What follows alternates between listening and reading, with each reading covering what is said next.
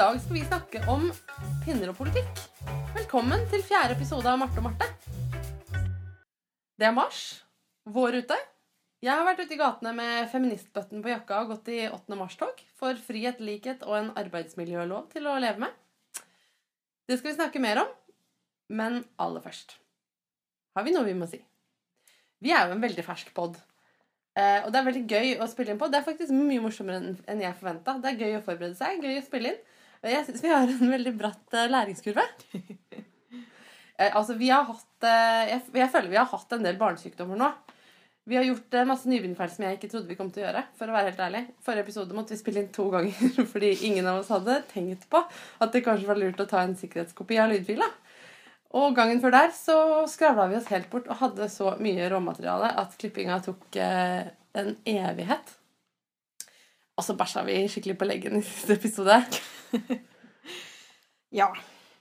Det vil gjerne få bruke et par minutter på å si at vi er veldig Eller jeg er veldig lei meg for at jeg i forrige pod ga feil informasjon angående kastrering av hanngris i Norge. Jeg sa at griser ikke får bedøvelse ved kastrering i dag i Norge, og det stemmer ikke. Jeg skjønner veldig godt at det er opprørende at vi sprer feil informasjon når dere bønder og veterinærer og alle andre som er involvert, jobber så hardt for å lage gode forhold for dyra og gode produkter. Så korrekt informasjon er at regelverket i Norge ble forandra i 2000 fra bøndene selv kunne kastrere hanngriser for å unngå rånesmak på kjøttet, til at veterinærer nå skal utføre dette. Og grisene får da lokalbedøvelse og langtidsvirkende smertestillende. Det betyr ikke at bøndene ikke nødvendigvis brukte bedøvelse selv, men nå har vi et formalisert regelverk som skal sikre at det absolutt ikke skjer. Og jeg beklager så mye at jeg ikke sjekket kildene mine godt nok, og jeg lover at i fremtida skal sjekke veldig mye bedre. Vi har fått tilbakemeldinger fra lyttere på dette her. Blant annet fikk vi en veldig fin e-post fra Bodil, som er veterinær, og hun skriver følgende. Grunnen til at det er viktig for meg å understreke dette, er noe av det samme dere snakker om i poden, altså at det er viktig å tenke på hvilket garn en kjøper, at det kommer fra en bærekraftig produksjon, både for produsent og miljø. Det samme gjelder dyrehold. Vi har en av de strengeste dyrevelferdslovgivningene i verden, og skal en spise kjøtt med god samvittighet både for dyra, miljøet og rent kjøtt, altså minst medisinbruk per kjøtt i hele Europa, så må en spise norsk mat. Kult. Jeg støtter Bodil og sier kjøp norsk mat, støtt norsk landbruk. Bøndene våre gjør en fantastisk jobb. Enig. Um, og ja, altså, jeg mener at vi ikke er helt i mål i Norge heller når det gjelder dyrevelferd. Men vi, det er veldig fint å vite at vi er blant de landene i verden som har aller strengest regler. Det er både vi og hanngrisene veldig glad for. Ja. Um, det var kanskje den mest alvorlige nybegynnerfeilen vi har gjort. Og det jeg kjenner at jeg er veldig glad for, er at lytterne våre passer på oss. Fortsett å gjøre det, da. Fordi så lenge jeg vet at dere sier fra hvis vi har sagt noe som dere syns er teit, eller som er direkte feil, sånn som nå, da, da får vi en sjanse til å rette opp inntrykket. Og da har jeg lyst til å For det første så blir jeg motivert til å trippelsjekke kildene mine. Og for det andre så får- får jeg lyst til å fortsette å prate. For det kan jo godt hende at jeg kommer til å si ting som ikke alle er enige om, da. Selv om det ikke nødvendigvis er feil. Men da er det, det er kult med tilbakemeldinger. Det blir en slags dialog. Det er inspirerende, og man får lyst til å podde mer. Ja. Og så eh, vil jeg også bare, siden vi er i ferd med å snakke om, om tilbakemelding, liksom, så vil jeg si tusen takk til alle som har gitt positive tilbakemeldinger og sagt at de liker podden. Det er så hyggelig å høre. Og dere kan påvirke hva vi snakker om, selvfølgelig. Det blir nok ikke mer prat om grisekastrasjon i fremtiden. Men eh, hvis du skulle finne på å kastrere gris nær deg i nærmeste framtid, så husk bedøvelse, for det er nemlig påbudt.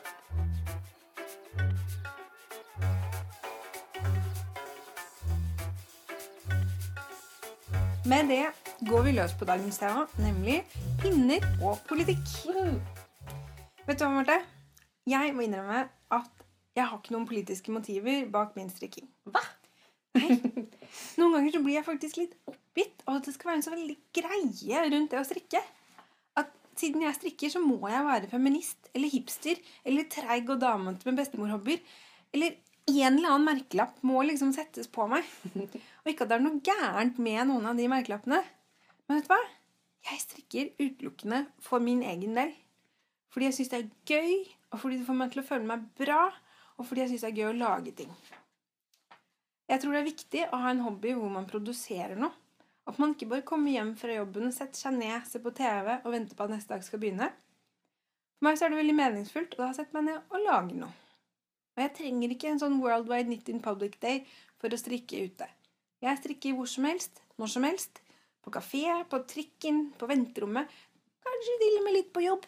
Men er det noen som syns det er rart lenger? At folk strikker Altså, jeg, jeg har hørt på andre podder og sånn hvor man sier sånn Tør du å strikke ute blant folk? Uh, ja. Tør også å lese en bok. Jeg vet ikke. Jeg tror det er noen som syns det er litt rart. Det er noen som reagerer på den når jeg sitter sammen med venner, f.eks. Mm. Eh, Men for meg så er ikke det et statement. Det er bare fordi at jeg har skikkelig lyst til å strikke. Og Jeg strikker jo mens jeg går, jeg. ja, det er bra. Det, meg, det blir vanskelig for meg Bare, bare enkeltstrikk, da. Ja, ja. Nei, jeg har stort sett alltid med meg strikketøy når jeg er ute og går. Så når, hvis jeg sitter stille og har liksom en liten pause, så kan jeg strikke litt. Og så blir jeg veldig rolig av det å strikke, da. Og det er jo noe som mange har tenkt på i lange tider. Og det er ikke egentlig lenger bare en idé heller, for det gjøres forskning på hva som faktisk skjer i oss når vi strikker. Og Betson Corkill, en fysioterapeut fra Bath i England, hun forklarer det slik. You are using up an awful lot of brain capacity to perform a coordinated series of movements. The more capacity you take up by being involved in a complex task, the less capacity you have for bad thoughts. Å! Det er kjempefint! Ja. Og det er også forklaringen på hvorfor folk uh, sier at de følger bedre med på forelesninger og sånn mens man strikker. Ja. Det syns jeg òg. Men det er jo fordi at du Da har du på en måte én aktivitet til for hjernen, og da kan du ikke for begynne å tenke på hva du skal ha til middag. Nei, nettopp. Altså For de som eh, vil ha en kjapp oversettelse Når man skal koordinere begge hendene i en serie med komplekse bevegelser, så bruker man mye finmotorikk. Og da har man ikke plass i prosessoren til å bekymre seg over det man eventuelt skulle ha å bekymre seg for. Og derfor føles også strikking som et pustehull. Hvis man strikker på noe som er eh, Hvis det er veldig lett, så kan det jo fort gjort bli at man begynner å tenke på andre ting. Men hvis det er liksom litt mer utfordrende, så kan man komme inn i en sånn meditativ tilstand. Og det vet du allerede at det er godt for oss. Hvis dere er interessert i å lære mer om dette her, kan dere sjekke nettsiden til Betson Corkill, som heter stitchlinks.com, hvor hun har lagt ut sin forskning på temaet.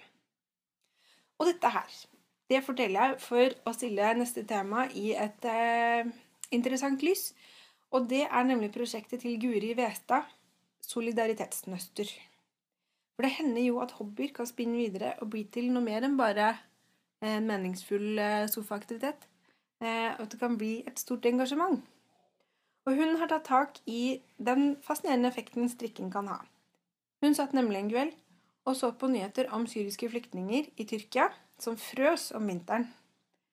Og samtidig så, så hun en Facebook-kampanje hvor Leger uten grenser ønsket å få luer eh, de, til nyfødte som de kunne ta med seg til eh, flyktningleirene i Syria.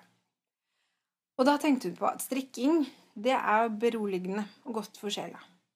Det må være en fin aktivitet for dem som befinner seg i en så stressende situasjon.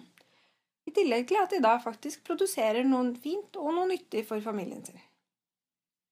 Solidaritetsnøster er en organisasjon som jobber for å gi flyktninger og asylsøkere en bedre hverdag ved å gi dem garn og pinner og strikkeopplæring. Syriske flyktninger i Tyrkia og flyktninger på asylmottak i Oslo får støtte. På sikt ønsker damene i Solidaritetsnøster og skaper steder over hele landet hvor norske kvinner og flyktningkvinner kan møtes og strikke. Det er både god integrering, og det gir også flyktningkvinnene noe meningsfylt å fylle hverdagen med. For det er jo faktisk sånn at på, sitter man på et asylmottak, det er det ikke Det er ikke sånn at det er eh, veldig mye forskjellige aktivitetstilbud, for å si det mildt. Nei, det blir vel mye venting. Det vil jeg tro. Ja. På Woolspire, som er en blogg på dette, har de et veldig fint intervju med Guri, som jeg anbefaler å lese. Eh, Vi linker til det, selvfølgelig. Og så har hun en Facebook-gruppe hvor man også kan eh, følge med på hva som foregår. Marte B har da vært på strikkekveld på asylmottaket på Torshov Og det skal hun fortelle litt mer om seinere på den. Og det er ikke bare Guri Vesta som vet å bruke strikking til noe godt. Det er mange små bevegelser der ute, og gjerne få nevne et annet veldig fint prosjekt som heter Ull og omtanke. Det går ut på at man kan strikke små lapper etter en enkel oppskrift. Og man kan strikke så mange man vil. Og så blir de da sydd sammen til tepper av eh, frivillige personer der ute og gitt til kreftpasienter rundt omkring i Norge. Altså, Er det én person som sitter og syr sammen alle teppene? Ja, I utgangspunktet så var det en dame. Hun, heter, Hun har bare valgt å gjøre den kjedelige delen av å strikke teppet? Ja, hun har jo et spesielt engasjement der, men nå har det blitt såpass stort. Hun fikk inn mange, mange, mange sekker med disse, altså disse Så fantastisk. er type Hvem er det som får teppene? Ja, det er kreftpasienter rundt omkring i Norge. Og tanken var at når du sitter og får eh, cellegift eller eh, forskjellig behandling, så fryser gjerne eller kaldt. Ja, og at man får da et teppe som mange mennesker har strikka til deg, med tanke på at du trenger noe, så kan det være en trøst i seg selv. Og det som da er helt fantastisk, er at hun har vært nøye med å loggføre hvor alle lappene kommer fra. Sånn at man får et teppe, så kan man til og med vite hvor de lappene Wow! eh, hvem som har laget dem. Ja. Det, vi linker til dette prosjektet her også. Eh, på samme linja så er det en dame i Australia. Hun heter Dawn Toomey. Hun har strikka pupper til brystkreftpasienter. Hva skal man med en strikka pupp? Og fint å ha i seg selv. Ja, de er jo de er nydelige. De er veldig Pupper sånn er fargesterke, morsomme ting. Eh, men hun strikker dem da av rein bomull, sånn at man kan bruke dem rett på huden etter en operasjon. Og det er altså til å fylle BH-ene når man venter på rekonstruksjon, eller for dem som ikke kan eller vil få gjort rekonstruksjon. Og jeg syns dette her var et veldig rørende og morsomt prosjekt. Og tenk hvor komisk det er å putte liksom en knæsj grønn pupp oppi BH-en. Ja, for de er ikke nødvendigvis Jeg, jeg så for meg at de ligner litt de der Har du sett de eh, ammeluene? Nei. Eh, og de er kjempefine. Det er en hekleoppskrift. Den må vi finne og lenke til. Som er eh, en babylue som ser ut som en pupp. Oh, ja. Så at babyen har liksom en brystvorte oppå hodet. Og det er en del av en sånn kampanje, sånn ammekampanje sånn for at det skal være greit å amme i offentlighet, som jo ikke er et problem i Norge, men i mange andre land Jeg tror ikke man trenger å dra så veldig langt engang, så er det mange som syns det er veldig problematisk å amme i offentlighet. Ja. Så da kan man ha en puppelue på babyen sin. ja. Så har du pupp begge veier. Nei, altså dette bildet jeg så her, der var det knall rosa, grønn og gul og Ikke noe sånn naturtro-greier, men veldig fargesterke, morsomme. Tenk om man liksom i en sånn situasjon kan framkalle et smil og få en person til å til og med le litt. Det er helt fantastisk. Eh, og da vil jeg sende jeg også med en link til en veldig fin artikkel om dette her i. For å avslutte, så hvis man syns dette her høres spennende ut, og gjerne vil lære mer, så er det et nettsted som jeg vil anbefale, som heter craftivism.com. Altså craft pluss activism. Betsy Greer er en dame som har starta dette her. Og hun har satt hele denne saken om strikking og aktivisme litt mer i system. Og hun har skrevet en bok som heter 'Knitting for good'. Jeg har ikke lest den selv, men ifølge beskrivelsen så er den en guide om hvordan man kan bruke strikking og kreativitet til å forbedre ditt eget liv og livene til dem man har rundt deg, og verden. Og hvis ikke det Strikk høres for en bedre verden. Ja, ikke sant? Jeg vet om noen litt lokale ting også. Eh, en jeg kjenner som heter Lina, delte på Facebook i begynnelsen av måneden en sak eh, om eh, at sykehuset i Tromsø, mener jeg det var, etterlyser luer til, også til kreftpasienter. um, som trenger å holde hodet varmt. Og vi, vi lenker til den saken. Og så, for noen år siden, så strikka jeg em, såkalt kuvøsegenser. Eller jeg strikka flere kuvøsegensere, en liten stabel eh, til eh, for tidligfødte barn på et sykehus i Tanzania. eh, Hvor det er varme dager, men veldig kalde netter.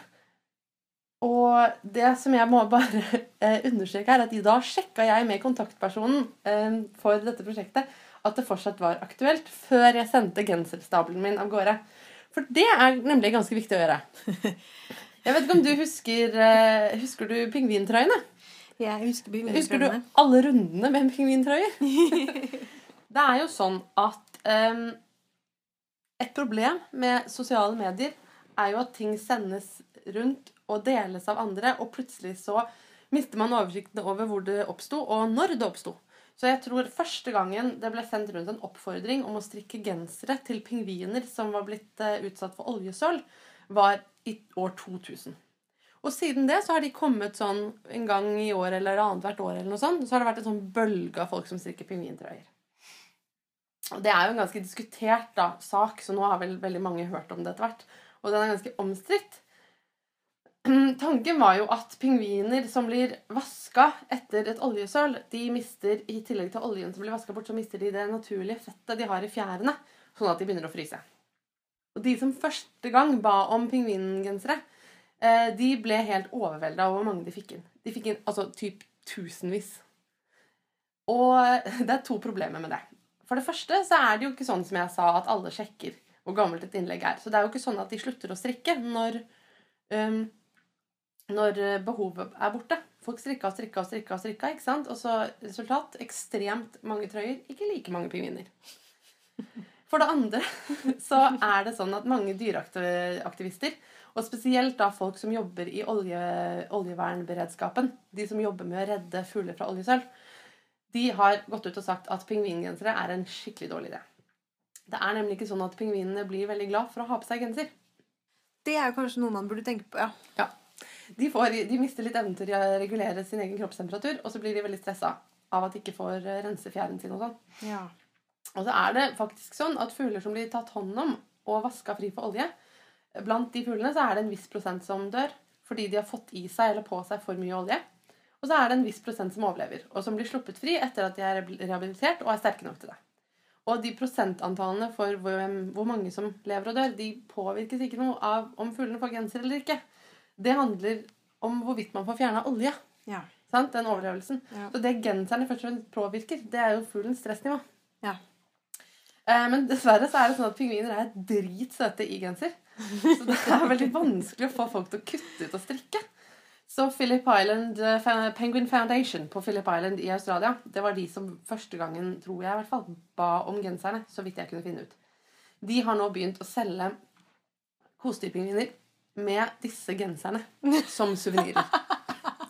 Sånn at de kom til en slags nytte i anførselstegn til slutt uansett. Um, jeg tror til og med det var um, på et tidspunkt de måtte be om flere gensere, for de hadde gått tom for da, gensere til kosedyrpingvinene. Men eh, ja, så det er historien om, uh, om strikkepingvingenserne. Som jo da er en slags sånn skakkjørt veldedighet. Jeg syns det er litt viktig å eh, kanskje velge sine veldedighetsstrikkeprosjekter med omhu. Selv om, eh, selv om eh, en pingvin er søtere i genser enn en tigger er i et par nye raggsokker, så kan det hende at eh, du heller vil ha en glad og fornøyd eh, mann med varme føtter enn en veldig stressa pingvin. Ja. Det er jo noe med Det er som de sier i ordtaket. Heller en varm og fornøyd mann enn en stressa pingvin. Uh.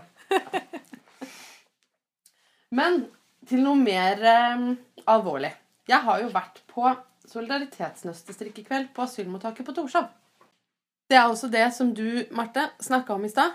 Solidaritetsnøster som um, har hver onsdag på um, asylmottaket på Torshov strikkekveld for kvinnene på mottaket. Da kan de lære å strikke, eller fortsette på prosjekter som de eh, driver med. Vi var fem frivillige der den dagen, og det er jo drevet av frivillige, så de har et system av frivillige som kommer inn og hjelper, eh, hjelper disse kvinnene og lærer dem. Og det er på hver sykekveld så er det plass til tolv kvinner. Og altså Det er det var en ganske sterk opplevelse, på en måte. Fordi man kommer veldig tett på en type skjebner som jeg tror ganske mange av oss egentlig ikke forholder oss så mye til, selv om vi vet at de fins. Noen av kvinnene som var på den sykekvelden på onsdag, hadde vært på mottaket i nesten seks måneder. Det er mye lenger enn en man skal sitte på et asylmottak. De sitter på overtid, rett og slett. Og hver dag så kan de få vite at de skal sendes ut eller sendes videre, eller ingenting. Og et par stykker som vi lærte å strikke på onsdagen som jeg var der, de hadde kommet til Norge dagen før. Og fra hvor og hvorfor vet jeg ikke, for de snakka ikke noe engelsk og ikke norsk. Det er mennesker som ofte ikke eier mer enn sant, det de har på seg, det de kan pakke sammen og bære med seg på en halvtimes varsel. Og selve asylmottaket er jo altså Det er et asylmottak, det er ikke et hjem. Det er slitent. Jeg tenkte, jeg si jeg tenkte ekstra over det da jeg kom hjem på, den, på kvelden den dagen og satte skoene mine ved siden av alle de andre skoene mine og hang jakka mi ved siden av de andre jakkene mine. og gikk inn blant alle tingene som jeg bare eier med den største selvfølgelighet. Og kjente litt ekstra på det, da, at jeg bor veldig nærme noen som har en helt annen hverdag enn meg. Selv om de på andre måter kanskje ikke er så ulike meg. På onsdagskveldene har de også muligheten til de strikkekveldene. Men det er veldig populært, det tilbudet. Og ofte er det ikke plass til alle som vil. Og det er jo kjempetrist. Men man har rett og slett ikke fysisk plass. Noen av kvinnene som kommer, de kan strikke fra før, noen kan hekle, noen har aldri prøvd. I vinter har det visst vært mye skjerf- og luestrikking, fordi mange av dem syns at det er veldig kaldt i Norge. Og det har de jammen rett i. Um, de strikker like mye uh, av et ønske om varme klær, kanskje, som for selve strikkingen. Men jeg opplevde også at for samtlige så er det en mulighet til å liksom, holde på med en aktivitet som de ikke har så mange lignende muligheter til. da. Um, jeg tror dagene på asylmottaket kan være ganske lange og veldig tunge for veldig mange. Og solidaritetsnøster de trenger flere frivillige. Så hvis man bor i Oslo-området, så syns jeg at uh, man kan kontakte dem. Vi lenker. Så kan man melde seg som frivillig og komme og hjelpe til. Og lære bort strikking. Det var en veldig hyggelig gjeng som jeg strikka sammen med. Både altså de frivillige og de kvinnene som var der. Hvis man ikke bor i Oslo-området, så kan man jo sjekke om det fins lignende ting på asylmottak i nærheten av der man bor. Og hvis de ikke gjør det, da syns jeg at folk burde sette det i gang. Ja. Virkelig. Det. Og en annen ting. Solidaritetsnøster trenger noe mer enn bare frivillig innsats. De trenger garn, pinner og heklenåler. Og det føler jeg at både jeg og en del andre strikkere kan bidra med. Jeg tror at jeg har noen i sofaen min jeg kan bidra med. For Flott. eksempel. Altså, hva skal man gjøre da? På Husfliden på Glassmagasinet i Oslo og på det grønne hjørnet på Sankthanshaugen så står det en boks hvor man kan levere em, garn og, og utstyr. Som da blir overlevert til Solidaritetsnøster. Hvis du har garn å gi bort, men bor langt unna, da kan du få lov å sende oss en e-post Ja. på marteogmarte at gmail.com. Ja. Da skal vi sende adressen eh, til en av oss tilbake.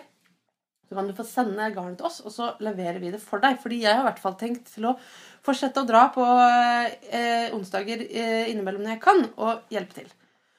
Og jeg spurte da jeg var der, om det var noe spesielt eh, type garn eller farger og sånn, og pinner som var populært.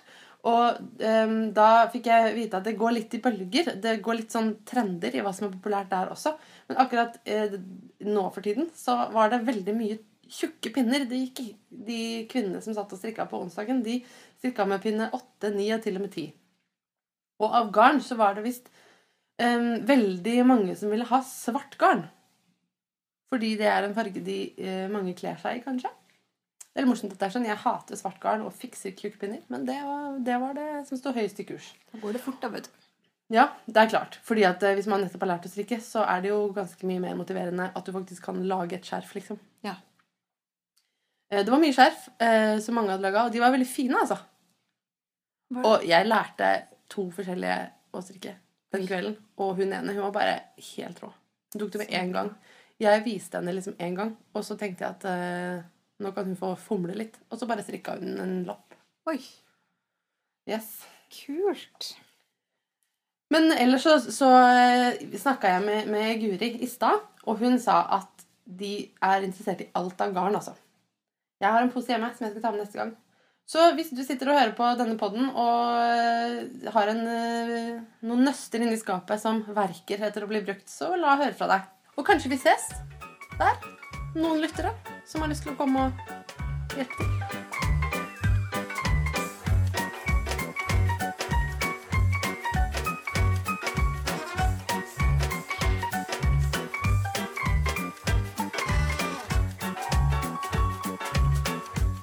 Altså mars. Våren er i ferd med å komme ordentlig i gang. Og det har vært 8. mars, kvinnedagen. Jeg har gått i tog som jeg pleier. Jeg er en uh, feministstrikkeraddis. Em, og da kom jeg til å tenke på at neste år i 8. mars-toget hadde det ikke vært veldig gøy med en strikkefraksjon. For det var det ikke i toget, så vidt jeg kunne se. Eh, men jeg tror, eller jeg vet at det er flere strikkefeminister ute i verden enn meg. Så neste år så syns jeg kanskje man kan la det synes i toget. Kanskje til og med du har lyst til å komme og strikke i toget? Kanskje? Ja. Um, gåstrikking er jo som sagt noe jeg driver med til vanlig, så hvorfor ikke i tog? Um, men da, spørsmålet som du stilte i begynnelsen, eller uh, som du snakket om i begynnelsen i hvert fall må, Er strikking feminisme? Må strikking være feminisme? Er strikk politikk? Altså, jeg vil jo si, som min 90-tallsheltinne Skin i Skunk Nancy Yes, it's fucking political. Everything's political. Selvfølgelig. Strikking behøver ikke å være en politisk handling. Altså, Noen ganger er strikkepinnen bare en strikkepinne. Men eh, som håndverk har strikking i flere tiår blitt betraktet som noe feminint. Altså det er en kvinneaktivitet. Og som mange kvinneaktiviteter ble det lenge ikke tatt på alvor verken som kunst, som kulturuttrykk, som tradisjonsbærer, eller som faktisk produksjon av kvalitetsbruksting. Men dette er noe som jeg føler og håper at er i ferd med å endre seg. Vi var, eh, For å foregripe poddens innhold litt, så var vi på Riksarkivet også på et strikkearrangement som het To ved rette og en vrang. Ja.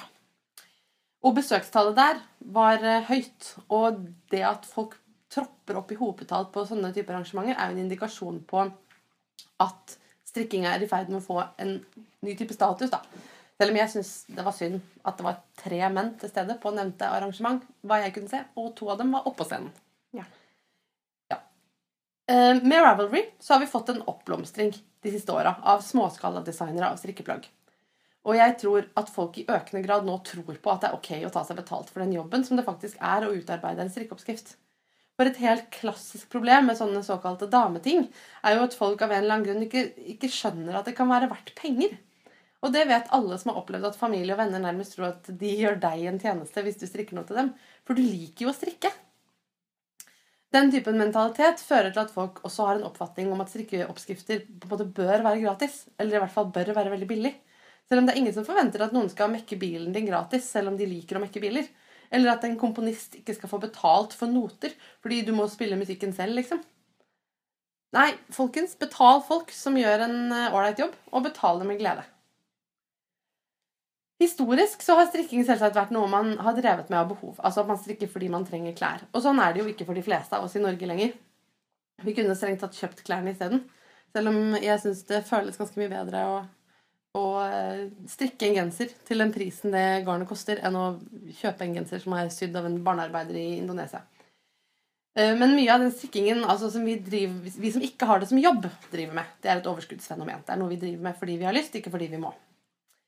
Og en grunn da, til at jeg mener at strikking kan være et feministisk uttrykk, det er at ved å strikke så bringer vi videre en tradisjon fra våre mødre, bestemødre, oldemødre osv.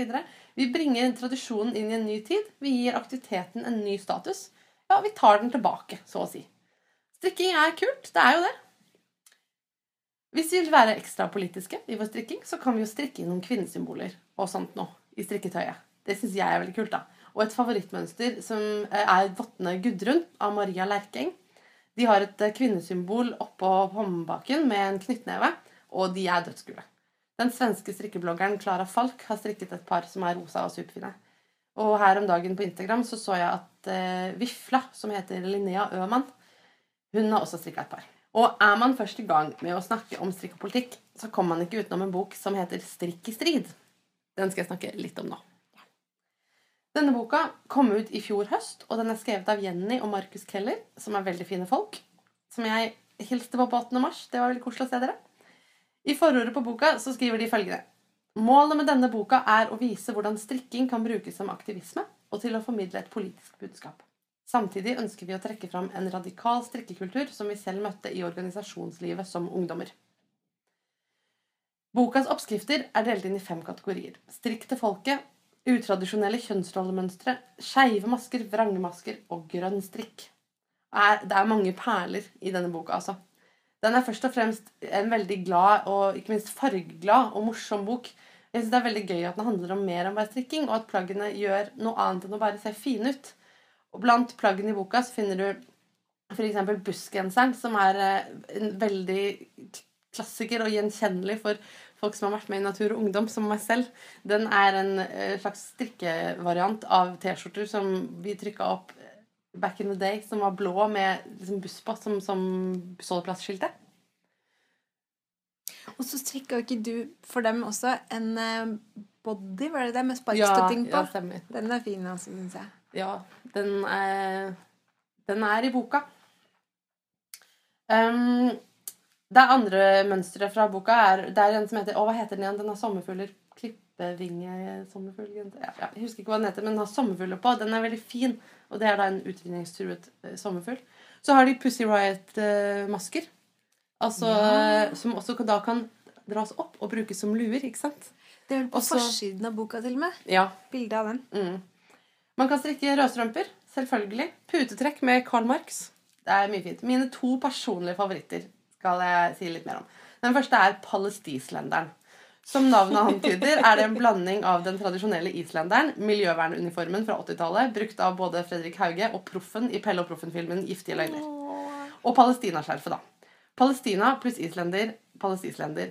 Altså, Det er like enkelt som det er genialt. Og mønsteret er utrolig fint. Jeg ble helt sånn, Herregud, jeg har tenkt på dette før. Det er jo veldig flott. Og min andre favoritt det er eh, oppskriften på tradisjonell homovott. Det er en, litt, det er en klassisk sånn flerfargestrikka eh, type selvbuevott i regnbuefarger. Med da to kvinnesymboler eller to mannesymboler på. Og masse sånn hjerter på håndflatsiden. Den er superkul! Denne boka passer som hånd i vått for alle strikkeradiser. Og for alle som har sittet på møte i ungdomsorganisasjoner noen gang og hørt kli klirrende pinner rundt bordet. Um, og kanskje for enda flere. Hva vet jeg. Jeg syns at boka fanger en sånn vårstemning som jeg er full av om dagen. Det er veldig fine bilder i den også. Um, så ja, strikk i strid. Eller strikke i historie. Ja, det som vi skal over til. Ja. Vi har nemlig vært på Riksarkivets strikkesofakveld, som jeg velger å nettopp nå valgte å kalle det. Eh, Vi var nemlig der. Eller de har en serie med typ foredrag som heter 'I en sofa på arkivet'. Ja. Og og de har forskjellig tema hver gang. Og den 10. mars, da var temaet om strikking. Da var det tre personer i eh, et slags ekspertpanel. Det var Christian Elsti, som er journalist i NRK. Han ledet samtalen. Så var det Anne-Britt Ylvisåker, førstekonservator for Kunstmuseet i Bergen. Og Ingunn Grimstad Klepp, etnolog, som jobber for Statens institutt for forbruksforskning. Det er for øvrig også hun som er en av forfatterne bak en veldig fin bok som heter Ren ull. Hvis, eh, for å ta opp tråden fra forrige podd om eh, ullkvaliteter og sånn, sauer og raser og sånne ting, så er det da også et norsk, en norsk publikasjon som eh, har mye fint å komme med i den forbindelsen. Ja. I invitasjonen til kvelden sto det blant annet Hvor mye vet vi egentlig om vår egen strikkehistorie? Og da fikk jeg noen forventninger og gledet meg veldig til å høre litt mer inngående om alle disse forskjellige nydelige mønstrene vi har, hvem som har strikka opp gjennom tidene, og så videre og så videre. Men historiedelen av kvelden, den var ganske fort unnagjort. Og den var i og for seg fin, men jeg savna litt mer historie måte, fra tida før 70-tallet og hønsestrikk. Og jeg har nemlig endelig kjøpt en nylig bok som heter 'Strikk med nordisk tradisjon' av Vibeke Lind. Den er på dansk. Den kom ut første gang i 1981 og har blitt en klassiker. Den har ikke vært å få tak i disse årene, eh, før det kom et nytt opplag i 2013. Og ja, den tar for seg nordisk strikketradisjon, ikke bare norsk. Men jeg syns at boken gir et litt annerledes og veldig interessant bilde av hvordan det ble strikka i de nordiske landene for 50 år siden, 100 år siden og kanskje enda lenger tilbake. Og hvilken betydning strikkeplagg hadde. Et spørsmål som dukket opp i spørsmålrunden etter at ekspertene hadde pratet seg ferdig, gjaldt dette med menn og strikking. Og først da kom det frem at det er jo ikke bare kvinner som har strikka. Det syns jeg er noe som de burde ha nevnt selv. Eh, og det er da et fantastisk bilde i boka til Vibeke Lind hvor en mann og en dame sitter og strikker på det samme strikketøyet. De strikker en genser rundt på veldig mange pinner, og så har de på en måte hver sin side av genseren da, som de sitter og strikker. Og det er kjempekult. Ja, det, er Det minner meg utrolig mye om det diktet til André Bjerke. Det ene verset er eh, Her ser du herr og fru Reinertsen Rømpe, som sammen strikker en stripet strømpe. Som piler går pinnene, blinkende, pipende. Hun strikker strømpen, og han strikker stripene.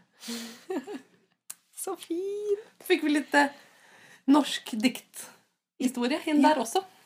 Nydelig. Dette her da var visst vanlig for eh, dem som strikket for salg. Og dette her skulle jeg veldig gjerne likt å vite litt mer om. Jeg tror at ekspertpanelet er utrolig ressurspersoner på feltet, men jeg synes samtalen kanskje ble litt for overfladisk. Jeg skulle ønske at de hadde gått litt dypere inn i historiebiten, og at de ikke nødvendigvis prata så mye om dette med strikkebølgen i dag. For det er på en måte noe som vi alle er en del av akkurat i det vi holder på med her. Pluss at jeg reagerte på altså De snakka jo om at vi på en måte er inne i en strikkebølge. En, eh, ja, en bølge, en interessetopp, ikke sant? Ja. Og jeg mener, Det er jo vel og bra, og det er sikkert sant det at man, altså, strikkeinteresse kommer og går i samfunnet. Men jeg tror jo at det er ikke bare en strikkebølge vi kan snakke om nå. Altså, det er ikke bare strikkemiljøet som nå om dagen opplever en helt annen virkelighet enn det sånn interessegrupper opplevde for liksom 10 år siden, 20 år siden.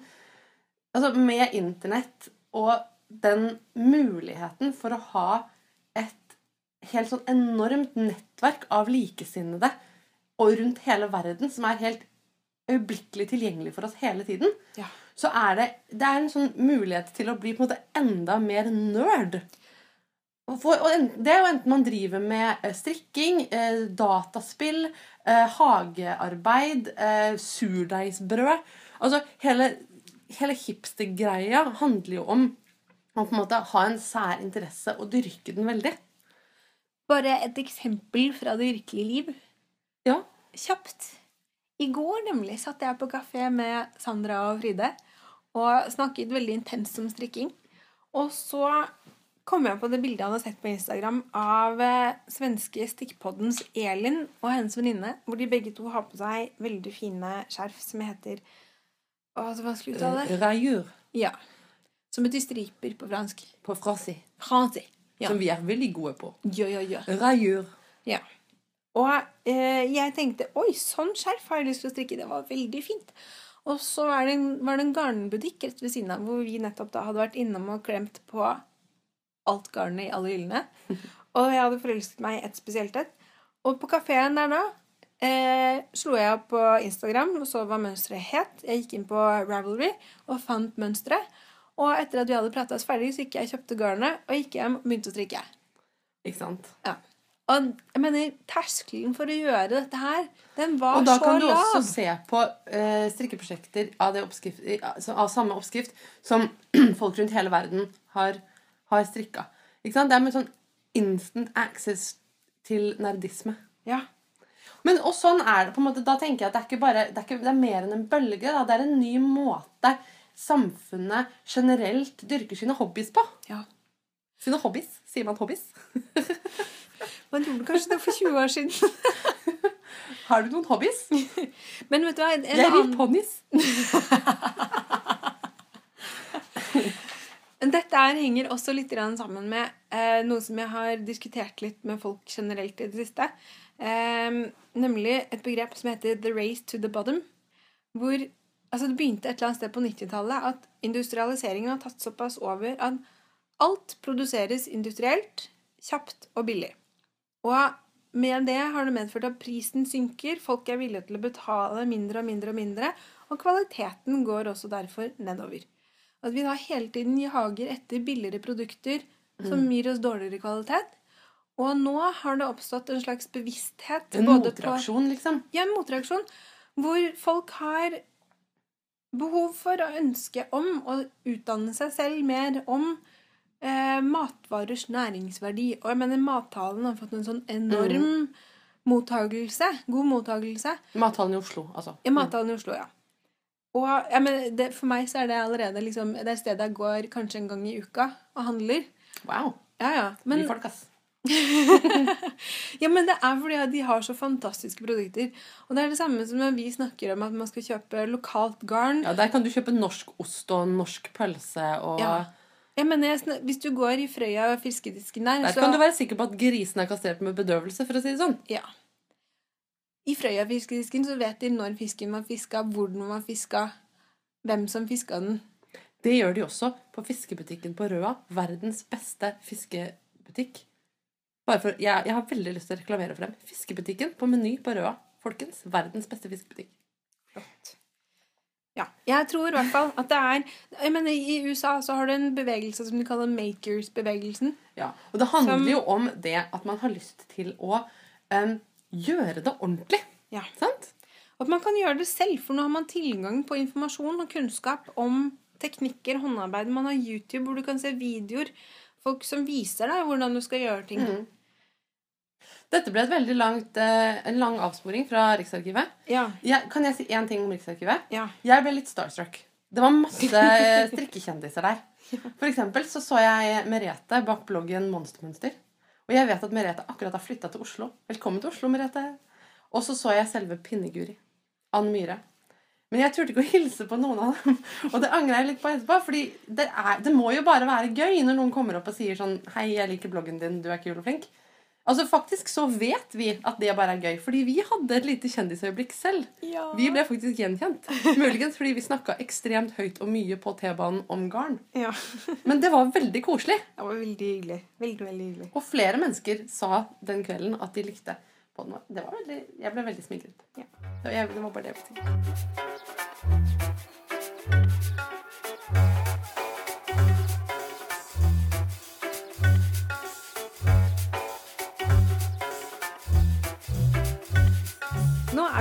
nesten ved veis ende, og vi har tenkt å annonsere en ny fast spalte som egentlig ikke er sånn veldig ny. For vi For den har har vært en fast spalte helt uten at vi har visst det hele tiden. ja, Nemlig lytternes spørsmål.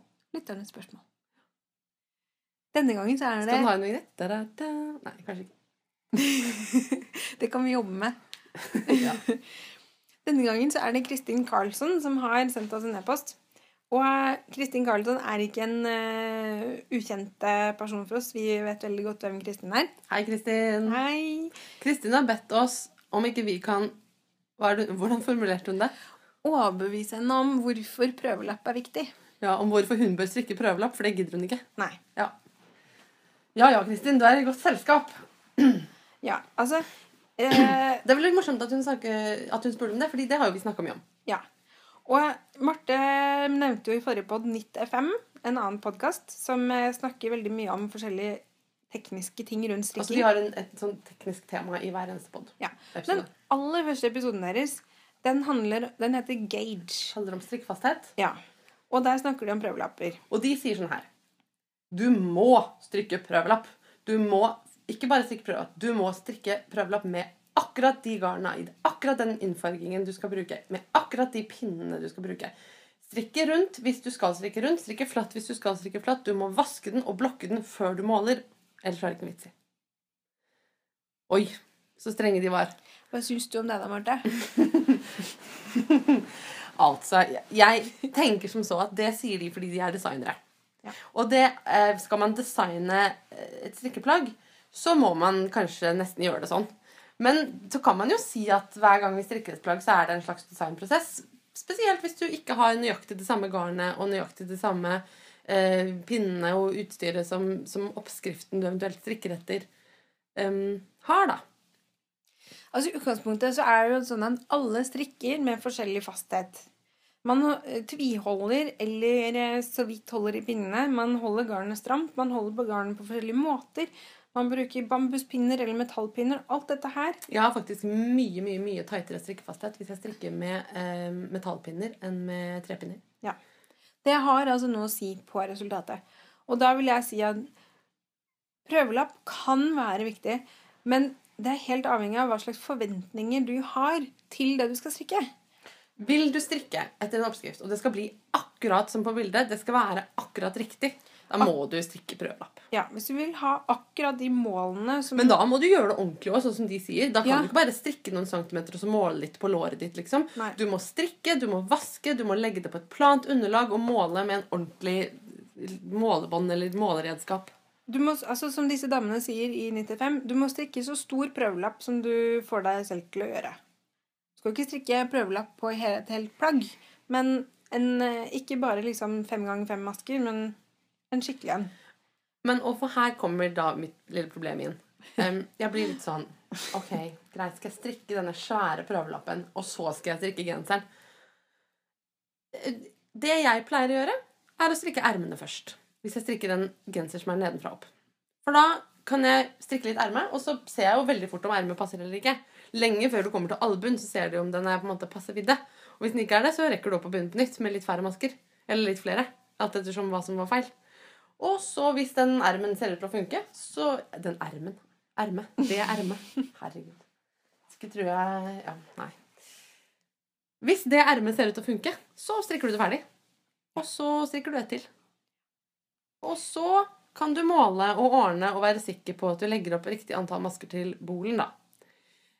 Sånn pleier jeg å gjøre det. Og eksempel hvis jeg strikker en lue, det anser jeg som et så lite plagg at prøvelapp er fullstendig unyttig. Da bare strikker jeg, og hvis ikke det blir bra, så tar jeg det opp og begynner på nytt. Fordi at en lue og en prøvelapp er strengt tatt ja.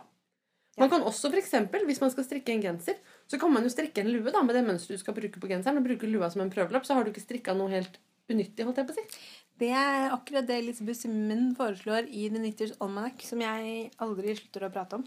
Nei, men det er fordi at den er en helt genial bok. Ja. Og hun var en helt genial dame. Ja. Altså, i Piggles sin butikk så kommer det ofte kunder innom og eh, sier at eh, det de strikket, det, eller det er noe feil med oppskriften kanskje, fordi at det ble ikke sånn som det skulle bli, det de har strikket. Og en ting med prøvelapp der, da, det er at det som står på banderolen på garnet med strikkefasthet og pin anbefalt pinnestørrelse, det er veiledende. Det som står i oppskriften, er det som designeren antar er den beste, mest sannsynlige kombinasjonen av garn og pinnestørrelse for å få til det uttrykket som designeren ønsker å ha på plagget. Og mange pickles-plagg er strikka veldig løst med vilje for å få til en spesiell type plagg. Draperende, liksom. Ja, at det skal være lette, luftige. Noen ganger så er det kanskje litt hullete, men det er liksom gjort da med en intensjon. Og hvis man da følger strikkefastheten som står på banderollen, så får man kanskje en helt annen F.eks. av lett genser som strikkes med pure wool. Pure wool har en strikkefasthet på banderollen på 23 masker på 10 cm på pinne 3,5 eller noe sånt noe. Mm. Mens lett genser strikkes på pinne 7 med strikkefasthet på 16 masker. Da får du jo et veldig løst og luftig plagg på en måte som. Og det er ikke sikkert at du nødvendigvis trenger å strikke prøvelapp for å finne ut av det, men eh, man må skjønne at det er en, et forhold mellom pinnestørrelse og garntype og den typen plagg du skal lage. Og da er en prøvelapp veldig lur ting å bruke for å få litt erfaring med hvordan det garnet fungerer i den oppskriften. Og jeg tenker at Det handler jo litt om både liksom hvor strikkeerfaren man er, og litt sånn hvor godt man kjenner det garnet man skal til å strikke i. Ja. Jeg er litt sånn, Det er noen garn som jeg har strikka ekstremt mye i. Og da må jeg innrømme at jeg forholder meg til prøvelapp med eh, veldig eh, Jeg forholder meg vel ikke til det, egentlig. Um, da tar jeg gjerne og måler på et par-tre forskjellige plagg eh, som jeg har strikka i den garntypen, og så sjekker jeg sånn cirka hva strikkefastheten min er, og så setter jeg i gang. Men det handler jo også om at altså Jeg kan bruke som eksempel. Jeg har akkurat strikka ferdig min fallow-genser. Ja. Jeg har ikke festa tråder og, og eh, sydd igjen under armene og sånn, eh, men den er ferdig strikka. Og jeg tror den ble kjempefin. Resten. Veldig fornøyd. Så veldig fin ut. Det er veldig fornøyd, egentlig. Den blir kul. Men der støtter jeg på det at når jeg hadde på en måte Jeg strikka prøvelapp på den, altså. Og fikk riktig strikkfasthet og satte i gang med bolen. Og så kom jeg til ermene, og så øh, la jeg opp riktig maskeantall, og så ble de bare helt enorme. Seriøst. Jeg kunne liksom tatt den på meg som kjole. Det var altså, omtrent. Det var så stort, det ermet. Så jeg ble helt sånn Dette kan jo ikke være mulig at det skal stemme. Um, men øh, jeg har jo brukt et helt annet garn enn det hun har brukt. Og selv om jeg har fått riktig strikkefasthet, så oppfører nok mitt garn seg veldig annerledes enn hennes. Jeg tror at originalgarnet i oppskriften nå husker jeg ikke helt, men jeg tror det er en sånn kasjmir-merino-blanding. Og mitt er som vanlig tynt ullgarn. Altså, jeg strikka den i PT2, som jeg ofte gjør når jeg ikke når jeg skal strikke noe hyggelig. Ja. Men i hvert fall, Og det er jo på en måte, det oppfører seg sånn som tynt ullgarn gjør. Det er sterkt og holdbart. Og det er elastisk, men det har ikke den der myke, fluffy bouncen. Så det spretter ikke tilbake, sånn som et litt tjukkere kasjmir-merino-garn vil gjøre. Mm. Sånn at um, da blir de ermene litt annerledes, rett og slett. Men jeg er veldig vant til å på en måte justere mønster mens jeg går. Jeg lærte å strikke uten mønster, sånn at på en måte mønster er noe jeg, å følge oppskrifter er noe jeg har lært meg i ettertid. Sånn at når det så at de ermene ble for store, så la jeg bare opp litt færre masker. Og så må jeg jo passe på å huske på det når jeg gjorde raglanfellingen, at jeg på en måte har mye færre ermemasker å felle, da, sånn at ikke de bare forsvinner. For da vil de jo få en altfor bratt felling. Og jeg mener, hvis man kan tenke sånne ting, og se litt framover og klarer å tenke konstruksjon istedenfor bare maske for maske, da mener jeg jo at, at en prøvelapp på en måte kan være hjelpsom, men ikke så nødvendig. Da kan du gjøre sånn som jeg sier. ikke sant? Strikke et erme og se hvordan det går. Jeg tror Man må ikke være så redd for å rekke opp litt. Det er også noen som er veldig veldig engstelig for å måtte rekke opp. Fordi at de har brukt veldig lang tid eh, og mye energi på å strikke det de har strikket. Men det er jo sånn at man blir jo veldig mye flinkere med øvelse. Og det er virkelig sant når det gjelder strikking. Mm. Jo mer du strikker, jo mer eh, dreven blir du og kan stunte ting sånn som Marte sier her. Og da koster det deg så lite å strikke opp. Istedenfor å strikke en hel genser som man ikke blir fornøyd med, som ser helt håpløs ut på. Og så blir det et kjempenederlag. Mm. Da, Eller den blir bare liggende liksom, som et uferdig Ja. prosjekt et eller annet sted. så ikke vær redd for å felle. Eh, rekke opp. Jeg føler vel egentlig nå at vi egentlig ikke har klart å forklare Kristin Karlsson hvorfor hun burde strikke prøvelapp. Ok, konklusjon, Kristin. Eh, du må se an prosjektet du skal strikke. Ja. Sånn som den der eh, halsen jeg strikker på nå. Jeg har ikke sett på oppskriften på strikkefasthet. Jeg har ikke strikket prøvelapp. Men det er fordi det er en hals. Ja. Det, den, skal, den skal surres noen ganger rundt halsen, min. den skal ikke sitte tett på armen.